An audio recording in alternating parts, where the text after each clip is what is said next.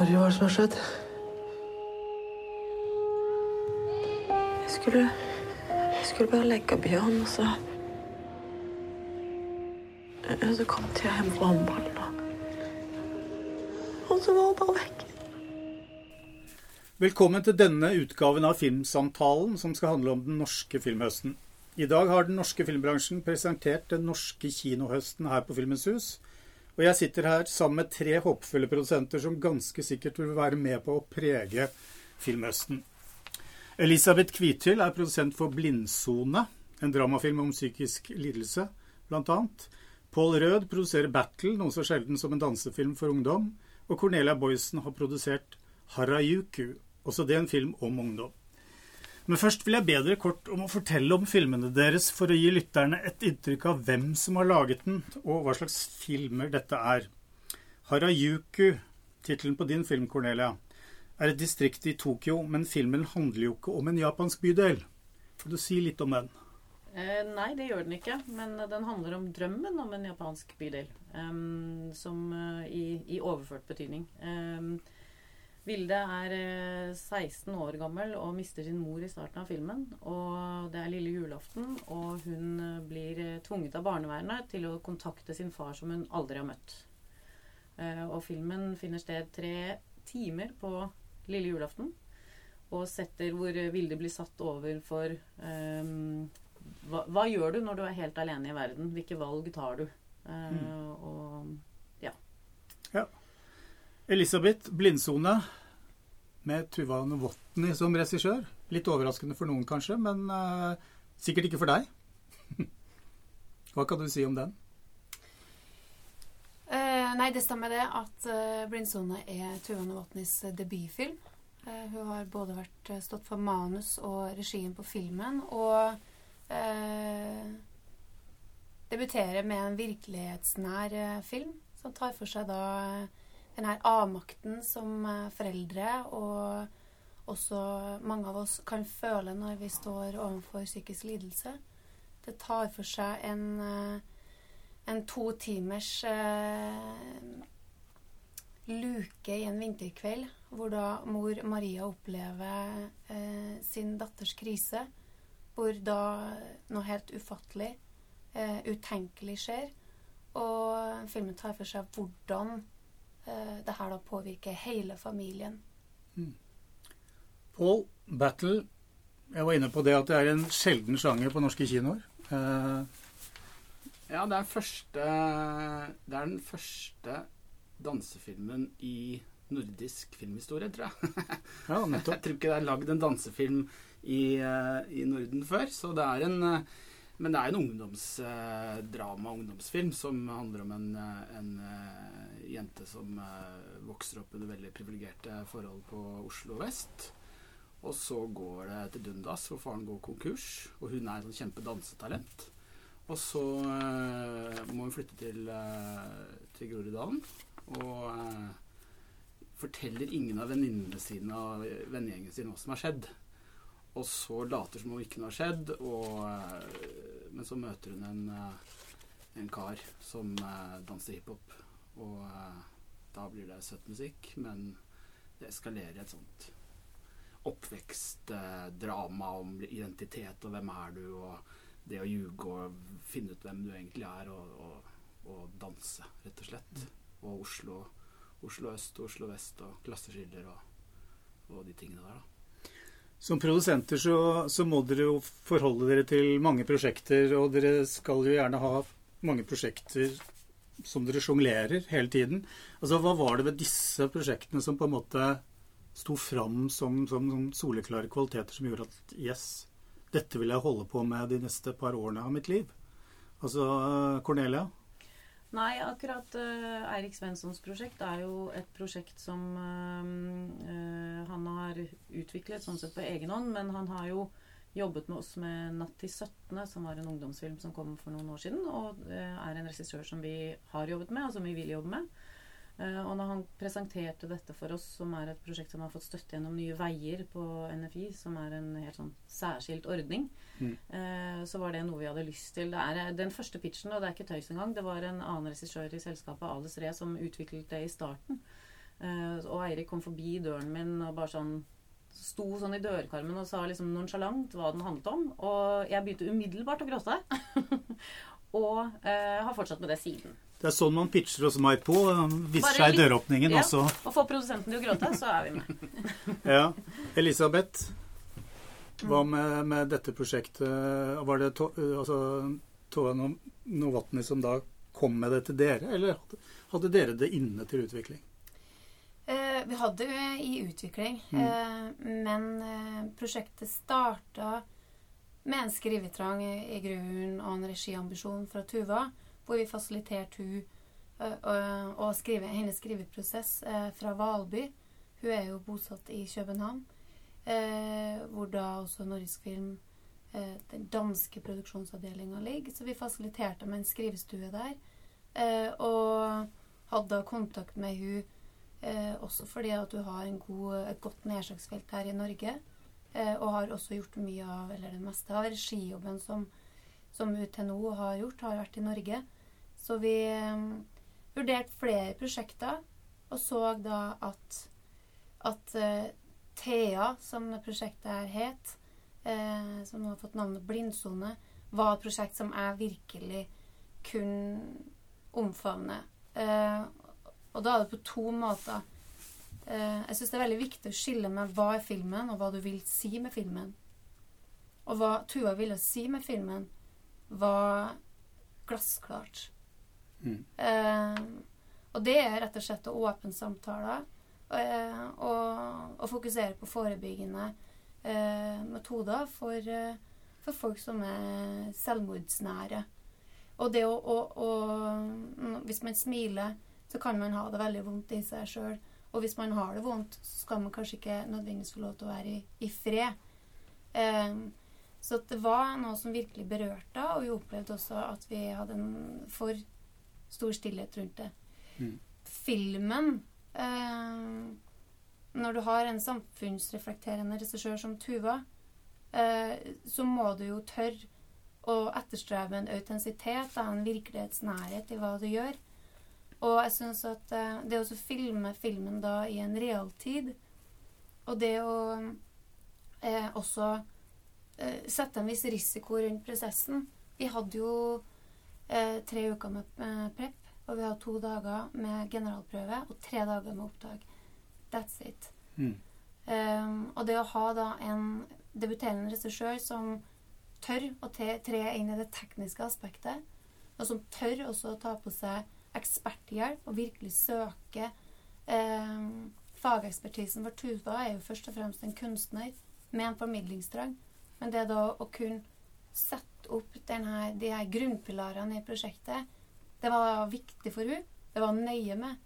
Mm. Og da var det for min sin del egentlig å tre inn og få pakka det prosjektet her til at det skulle være realistisk, og at det også skulle innfri hennes visjon. Paul, Battle, Ja. hva var det som eh, på en måte fikk det til å svinge i, i dine øyne? Nei, for min del så var det Altså, det er utrolig gøy å lage en film som har på en måte en dramatisk fortelling, og som du får anledning til å bruke andre former til å forsterke og gjøre noe med. Da. Så det med å, å kunne lage en film som, som forteller en historie, og som uh, kliner til med dans og musikk, Mm. det tenker jeg må være veldig morsomt. Det var det jeg tenkte når jeg, når jeg begynte å se på prosjektet. Eh, og, også, og selvfølgelig utfordringen i å, i å klare å få det til å bli bra. Da. Eh, litt fordi det ikke er gjort så mange av dem i eh, eh, I hvert fall i Norge og sånt nå, men eh, også dette med liksom, å få dansinga til å funke, og, eh, og musikken og, og gjøre det. Jeg bare så for meg sånn derre hvor, hvor eh, emosjonelt fett det kan være for et publikum. da Og, og sitte i en kinosal og, og få frysninger og, og bli rørt og bli berørt på et eller annet vis. Og underholdt. og Det er liksom hele pakka av, av det en, en kinofilm kan, kan gi da, av følelser. I tillegg til at jeg tenker at uh, ungdom, når du er tenåring eller ungdom, ungdom så har liksom følelsene dine er sinnssykt sterke. Uh, I hvert fall tenker jeg tilbake til den første forelskelsen og hvor viktig egentlig ting som i dag du tenker på hvorfor er det så viktig, men det liksom, du husker det så sinnssykt godt. da, det liksom, Hele liksom tilværelsen eller eksistensen, er liksom forbundet med hvordan det var å være tenåring. Mm. Så da er det, syns jeg det var veldig kult å gjøre noe, gjøre noe med tenåringer som har litt impact. da. Mm. Jeg nevnte det at eh, når man som produsent går i gang med et prosjekt, eh, så må man jo selvfølgelig velge noe man brenner for, fordi man jobber jo lenge med det. Og, det er krevende, selvfølgelig. Eh, men altså Det er jo ikke noe tvil om at det er blitt vanskeligere å få opp på kino og få finansiert den type filmer dere her lager. Og, og kinopublikummet er ikke så Altså de kommer fortsatt og ser norske filmer, norske dramafilmer, men ikke i samme omfang som før. Og noe har skjedd med kinomarkedet. Eh, Jeg tror ikke jeg overdriver når jeg sier det. Eh, altså Hva, hva har i, så måte vært den største utfordringen for dere her? Altså, Pål, du har jo laget en ungdomsfilm. Eh, det er en sjanger som man sjelden dukker opp på norske kinoer. Og når det i tillegg er en en eh, altså, dansefilm, så blir det sannsynligvis enda mer krevende. Kan du si noe litt om eh, hva som har vært den største utfordringen med å liksom få dette til å skje? Ja, det, det største ja, Det er mange utfordringer, men i hvert fall en av de tingene som jeg har tenkt mye på, er at um, det er uh, det at det er en ungdomsfilm, gjør at du har ganske begrensa publikum. I hvert fall sånn umiddelbart. da. Mm. Så du tenker, fordi at uh, en barnefilm, den har jo uh, Der får du med foreldrene, så på den måten så dobler du det ganske mye. Og pga. etterhåndsstøtta så blir det ekstra lukrativt å, å lage en, uh, en barnefilm. Eh, Eller i hvert fall lettere å finansiere det. Mens en ungdomsfilm er jo Ungdommen, ungdom, i hvert fall på den filmen her, sånn, så vil du ikke at dette er en film som eh, du tar med deg foreldrene og går og ser. Det er en film som utelukkende eh, skal være for, for tenåringer, da. Eh, og da har du Da er målgruppen din ganske liten. Mm. Eh, og det begrenser jo publikumspotensialet ditt. Eh, selv om det er en, eh, en ganske kommersielt prosjekt som på en måte har muligheten til å nå det publikum den, ha, eh, den er ment for i ganske stort omfang. Eh, og det, den problemstillingen den hadde ikke jeg sett helt den, den tenkte ikke jeg var så stor som den, som den var når vi begynte eller sånn etter hvert som finansieringen gikk fram. Da. Eh, og eh, i tillegg så er jo ungdomsfilmer har jo liksom på en måte ikke en den har ikke så mye kred. Eh, den, den, du får ikke liksom finansiert den på de mer kunstneriske kriteriene, samtidig som du er vanskelig å finansiere den på de kommersielle kriteriene, fordi da Mm. publikum er så begrensa. Men så var vi jo veldig heldige fordi eh, pga. skam og liksom på en måte norsk, å komme med et norsk ungdomsprosjekt akkurat når vi kom, var, var, gjorde at det, det, ble mulig. da. I tillegg til at Lisa Teige fra Skam har hovedrollen, som gjorde Mm. at det vi lykkes eh, overraskende bra egentlig med finansieringa. Men, eh, men det, var, eh, det var på hengende håret, da. Elisabeth, eh, en film om sinnslidelser, selvmord, det er liksom ikke ja, Det er i hvert fall ikke det man sier først når man skal på en måte selge inn en film overfor kanskje en distributør, men, men altså den, denne handler jo om noe så alvorlig. Og, og, og da blir det på en måte Det blir tøff, det blir en større utfordring å på en måte få folk til å komme og se den. Ja, absolutt. Altså, vi er jo nok forbi det punktet at, at bare det å være i kraft av en norsk film vil få oppmerksomhet fra publikum. For jeg, for jeg husker en periode hvor det faktisk var sånn. Ikke sant? Så det var jo faktisk ja. det. Oi, det, er det, det er den ene norske filmen som går. Den må vi se. Mm. Og det kan jo også være litt på grunn av at at, at filmens posisjon eller i, i den kulturelle offentligheten, da, at filmen ikke står like sterkt. Så hva gjør du da hvis du har et, et, et eh, litt tyngre eh, tema? Eh, For meg så er det jo, foruten det å ha en, en regissør, og selvfølgelig også kreative aktører og målbærer eh, filmverket, så er det jo også å, å se hva er det av fokus, f.eks. Eh, fra det offentlige. Vi vet jo at det er et kjempefokus fra, helse, på, fra helseministeren og helsekomiteen på psykiske lidelser blant barn og unge. Eh, det er ikke derfor vi lager filmen, men det er også et tegn i tida på at det her er viktig å adressere. Og vi har jo også et samarbeid med Leve. Vi har et samarbeid med Kors på halsen, som er da ungdomsavdelinga for Røde Kors. Og vi har også et samarbeid med Mental Helse. Eh, og i det så har vi jo, begynner vi å bygge et større nedslagsfelt. Så det er jo, noe, det er jo viktig også å fronte at det her er en sterk film. Men det er også en film som vil noe større. Og den eh, formidlingstrangen der eh, er absolutt en kvalitet, og som en kvalitet som jeg tror publikum kommer til å sette pris på. Mm. Cornelia, du arresterte meg her i stad fordi jeg kom i skade for å kalle din film for en ungdomsfilm. Men den handler om ungdom, men det er jo ikke en ungdomsfilm. Men, men altså Tittelen uh, Harajuku jeg, jeg, jeg spurte min sønn, som er 16, om det ga noe mening for han, og det gjorde det i høyeste grad. Eh, og han ble veldig interessert i, i, når han fikk høre om denne filmen. Eh, fordi han er veldig inn i, altså opptatt av cosplay og, og, og en del sånn typisk japansk eh, audiovisuell kultur. Men, men uh, hva, allikevel så er dette da et, et drama for voksne, eller? Det, det, altså, er det en type drama som, som, som på, har slitt litt på kino tidligere? Altså, det kan du årene? si. Ja. Eh, på den ene måten og på den andre måten ikke. Ja. Eh, hvis man er tydelig i sin kommunikasjon. Vi har ikke startet eh, Når, når jeg sier sli, har slitt ja, litt på kino, så mener jeg jo ikke at, at det er en dårlig film. Frem, nei, nei, nei. Jeg mener å komme frem. Og det mm. er jo utfordringen med disse mindre filmene. Og da ikke Battle, som jeg tenker at er et mer kommersielt prosjekt. Og det mener jeg er veldig positivt, som du vet. Mm. Men med, med, både Harajuku og Blindsone er jo at det vi er nødt til, er jo å jobbe veldig målrettet mot ett publikum. Mm. Jeg mener absolutt at uh, ungdom kan og skal se denne filmen. Men det er også en film som Nicolai Klevebrok egentlig sa nede, er at hvis du har barn, har hatt barn, i og for seg har vært barn, eller er barn, mm. så er denne filmen liksom noe som treffer deg. Å få det budskapet ut er, uh, er det vi må jobbe med frem til premieren. Og det er selvfølgelig en utfordring. Men jeg tror jo, eh, i motsetning til For du begynner jo egentlig dette spørsmålet med å si at kinomarkedet er i endring. Det er det. Det har det vært lenge. Samtidig så er det ganske stabilt i forhold til hvem som går på kino. Men vi har flere plattformer å se historier på. Det tror jeg er positivt. Mm. Men jeg tror selvfølgelig at det er noen filmer som kommer, går, forsvinner ut av kinomarkedet. Eh, fordi de kanskje ikke har rom på kino lenger.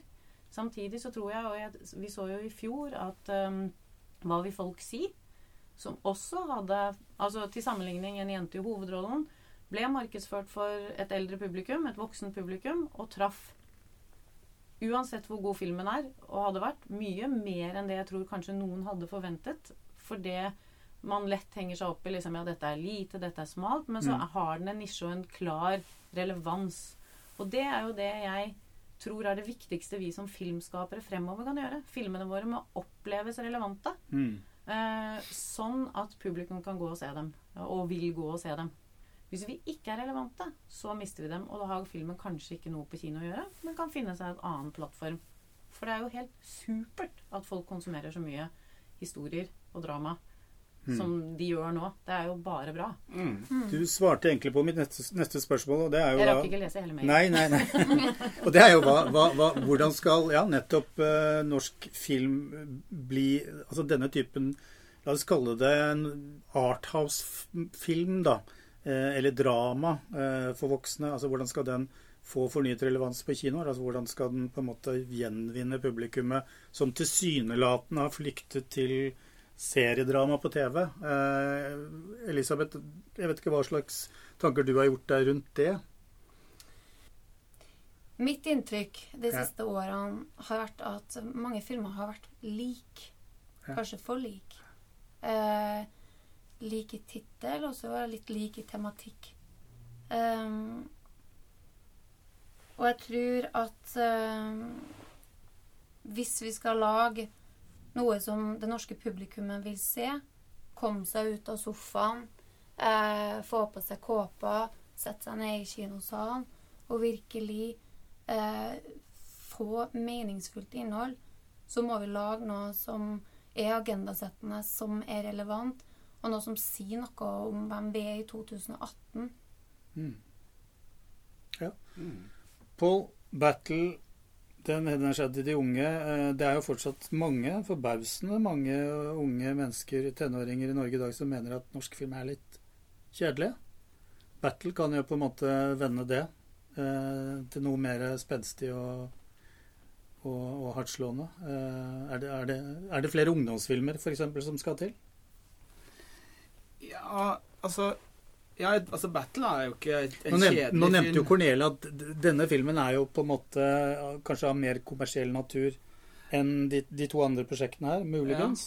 Ja, ja, det tror jeg nok vi kan si. Men Mm. eh, jeg bare tenker på det at det, og det er det er på ingen måte noe kjedelig film, og den drar på og, og jeg tror jeg vil gi Eller den kommer til å gi tenåringene totalt liksom eh, bakoversveis og underholdning og tårer og gi gass. Så den tror jeg ikke er Kjedsomheten tror jeg ikke er noe tema der. Men det som jeg tenker på for Battle, som jeg, som jeg virkelig liksom er tydelig for meg der, det er hvor mye eh, skuespillerne og skuespillerne som på en måte stjerner har å si. da. Eh, det at Lisa Teige eh, spiller hovedrollen i Battle, er, har vært helt avgjørende for finansieringen. Mm. Og jeg ser det nå i forhold til presse og hele promoteringen av filmen, så er det helt key. Og jeg tenker at det, eh, det samme gjelder egentlig kanskje enda mer for eh, den mer smalere retningen av filmene, som vi ikke har vært så gode på i Norge. Å ha de der virkelig stjerneskuespillerne som virkelig, som, som eh, virkelig som trekker publikum, eller som skaper oppmerksomhet og interesse hos, eh, hos publikum. Da. Kanskje, altså Danmark har jo klart å liksom, få fram eh, skuespillere som er i, totalt i verdensklasse. Mens Norge har liksom på en måte Vi er jo bedre nå enn vi kanskje har vært før noen perioder. Men, men det er noe vi mangler, tenker jeg. da Å få fram de der superstars.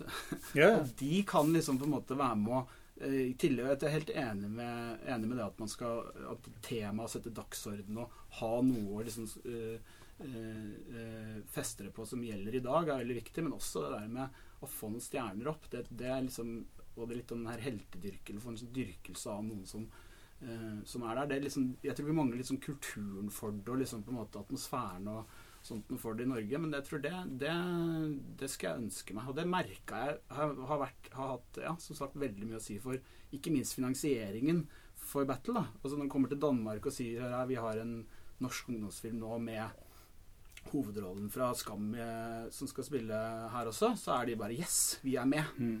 Eh, men det hadde jeg aldri blitt med hvis ikke, det hadde, hvis ikke hun hadde vært med. Det, hadde, det, det er bare å glemme. Mm. Eh, så, så ja, det tenker jeg for da. Dere representerer jo tre selskaper som altså henholdsvis Cornelia, Maipo, Elisabeth, altså nordisk, og, og Friland eh, hos deg, uh, Pål. Altså, ja, Stormfilms. Ja. Ja, Ja. nettopp. Altså, men, men alle disse selskapene, og særlig de to førstnevnte, forsøker jo som veldig mange andre å veksle mellom litt sto store prosjekter og litt mindre prosjekter. Og, og ser vi på Filmhøsten slik den ble presentert eh, på Filmens Hus i dag, så er det jo dette vekselbruket da, som man skal prøve å få til. Eh, har det blitt vanskeligere? Cornelia? Nei, det syns jeg egentlig ikke. For du var, du er, var jo også på Filmhøsten som produsent på Månelyst eh, på Flåklypa, ikke sant? Og på sånn, ja. Og Sonja, ikke minst. Sånn at ja. vi har jo filmer med i høst fra, fra 8 millioner i budsjett til 68. Ja. Um, som alle er finansiert på tre helt forskjellige måter. Og jeg opplever ikke egentlig det som noe vanskeligere enn det Altså å ha det øh, Men det er egentlig alltid når jeg har jobbet, så har jeg jobbet med forskjellig størrelse på prosjekter. Mm. Det har alltid vært en naturlig del, for det handler jo litt om at man som produsent, eh, som du sier det man, man går, i hvert fall jeg, da, går ikke inn i noe som jeg ikke brenner for. Og det trenger jo ikke være noe som nødvendigvis koster eh, x antall millioner. Eh, det kunne det jo selvfølgelig vært, men Mm. i mitt tilfelle så er det ikke det. Um, sånn at uh, jeg opplever ikke at det har blitt vanskeligere som sådan. Men de filmene jeg så på Filmhøsten i år som jeg likte veldig veldig godt, når jeg så på fra alle, som jeg syns var et pluss for hele bransjen, og som jeg tror kanskje er hovedelementet, er at det som ble presentert nå i høst, høstkatalogen, der er det, det er ganske tydelig hvilke filmer det er. Det er veldig få filmer, og det har det dessverre eh, vært eh, før, eh, hvor man tenker hvorfor i all verden er dette laget, og hvorfor skal det på kino? ikke minst. Mm. Og eh, fordi at det fremstår som utydelig eh, hva det er. Jeg syns at det som ble presentert nå, står tydelig frem. Og det tror jeg er det som må til for at vi skal holde på plassen vår. Mm. Eh, når jeg snakker om eh, altså dramaserien som på en måte har altså Tyngdepunktet har, har, har forflyttet seg litt til drama ikke sant, fra spillefilm. Så er jo ikke det nødvendigvis noe negativt heller. Jeg har jo inntrykk av at for filmbransjen så har det jo vært eh, en viktig ekstra fot å stå på. Altså Noen vil jo sågar mene at uh, dramaboomen har reddet mange selskaper. Uh, men hva tror dere om liksom vekselbruket der fremover? Altså For sånne selskaper som dere representerer, uh, hvor naturlig blir det på en måte å, å jobbe innenfor begge formater fremover? Er, blir det en dyd av nødvendighet, kanskje? Ikke en dyd av nødvendighet, men eh, mulighetene er mange mer. Mm. eh, mange flere. Vi har jo på Marpofilm eh, produsert litt TV opp igjennom, faktisk. Men Mm. med ran i og Jeg klarer ikke å huske året. 2000 og. Ran rundt årtusenskiftet, kanskje? Ja, ikke sant. Så, og Gjør Lykkeland nå som kommer til høsten uh, på NRK. Uh, men det handler jo om at det markedet er blitt åpnere. Det fins jo flere kunder, rett og slett. Altså Før så hadde vi NRK.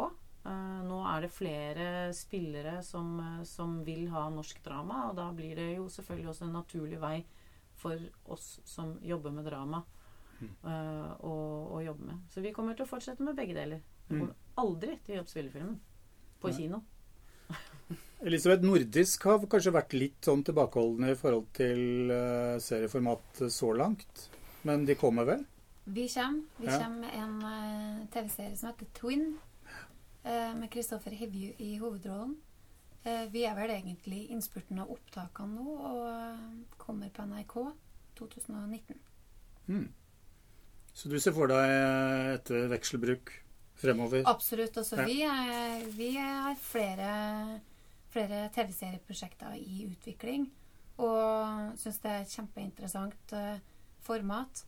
Altså, vi ser jo eh, Publikum er jo vesentlig mer litterær nå, ikke sant? Og eksempel hvordan Sopranos presenterte hvor ulikende en karakter kan være, og den her moderne antihelten til HBO som viser gjennom Game of Thrones hvordan vi kan eh, få et høyt teknisk nivå på en TV-serie.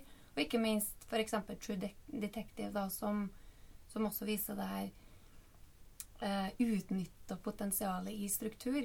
Og jeg føler jo at på mange måter at man kan også bruke det i spillefilmen og bevege seg vekk fra eh, den klassiske Hollywood-strukturen også. Mm. Jeg syns f.eks. Eh, det er en, eh, en spillefilm som kom for et par år siden. Er det meg du vil ha? Mm. Den var ekstremt modig, merka jeg meg. Eh, for den tar jo også tak i et annet medium, teatret. Eh, Altså Dag Johan Haugeruds eh, film med, med Andrea Brein i hovedrollen. Ja, Ja. det stemmer. Um, og her tenker jeg at det er så inspirerende at de tenker utover sitt eget fag. Er det noen andre plasser vi kan lære?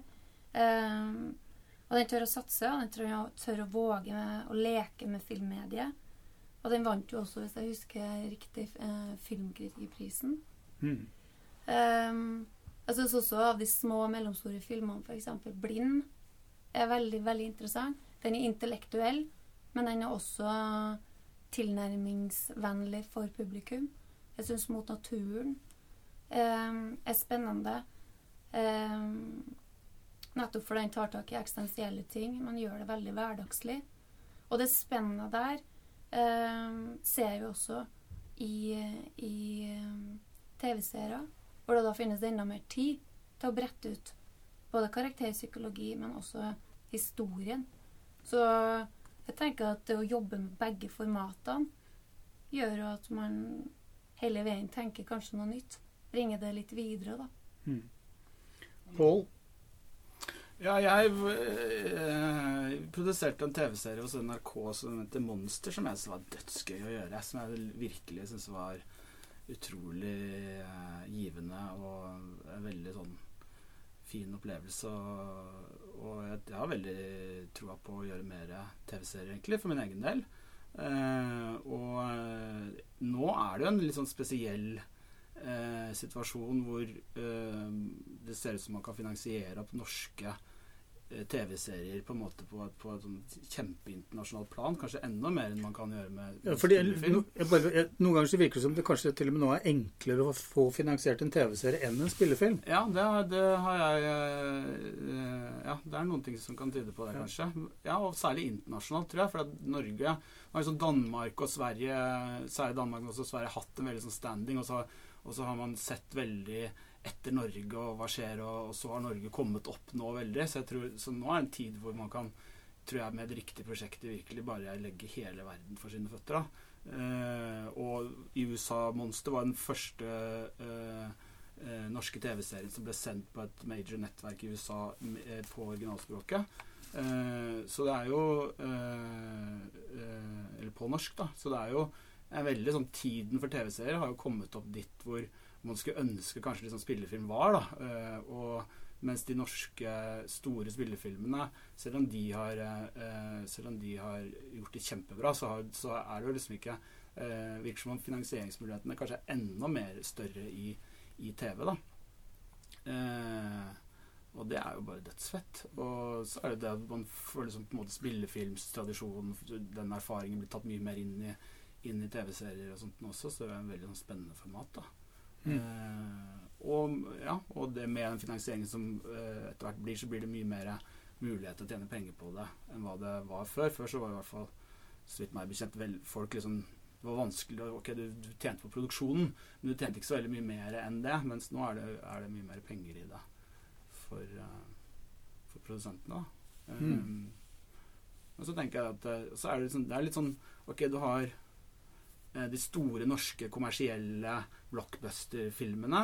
Og så har du de mer eh, Arthouse-prosjektene. og så har du men imellom der eh, så har kanskje TV-serien kanskje ligget litt, men den er på vei nå mer opp i, sammen med de store eh, eh, store blockbuster-filmene, på en måte. Eh, og så er det liksom hva er det som skjer i det rommet imellom der, da. Det er jo tenker jeg at det er Der er det veldig ullent og ikke så mye som Det er ikke så klart definert, da. Og jeg tenker kanskje litt på det Altså de filmene vi har her nå, så er det jo så er det jo eh, På filmhøsten, mener du? Eller som vi nei, snakker om i her det- i, I det rommet her nå, Ja, tenker ja. så er det jo Jeg syns jo det at eh,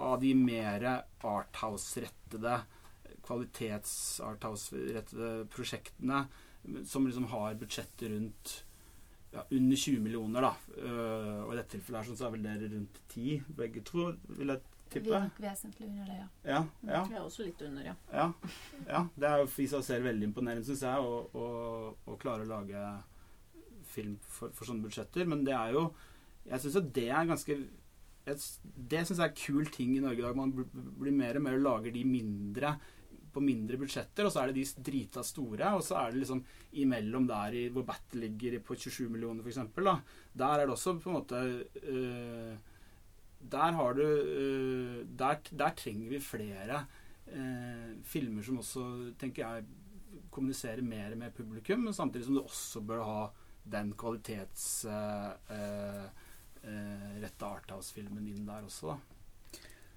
Men nå går jo en del, altså sånn som Netflix og sånn, går ut nå og produserer altså spillefilm, da. Mm. Ikke for kino, men for, eh, for, eh, for eh, VOD, eller hva vi skal kalle det. Mm. Eh, så det blir jo også et annet marked. Men jeg vil si én ting i forhold til det der med hvor mye vanskeligere det har blitt. Den største forskjellen egentlig er at vi har mistet en stor inntektskilde som ikke eh, har eh, manifisert seg noe annet sted. Og det er jo etter at DVD-markedet forsvant og bunnen ble tatt ut av det, så forsvant mange av produsentens potensielle inntekter. Og det gjør det skjørere enn det det var før. Mm. Og det er ennå ikke kommet noen erstatning for, rett og slett. Jeg tror vi får ta, se inn i det landskapet ved en annen anledning, men da sier jeg tusen takk til dere for at dere ble med i Filmsamtalen denne gangen. Takk for at dere kom. Takk for oss.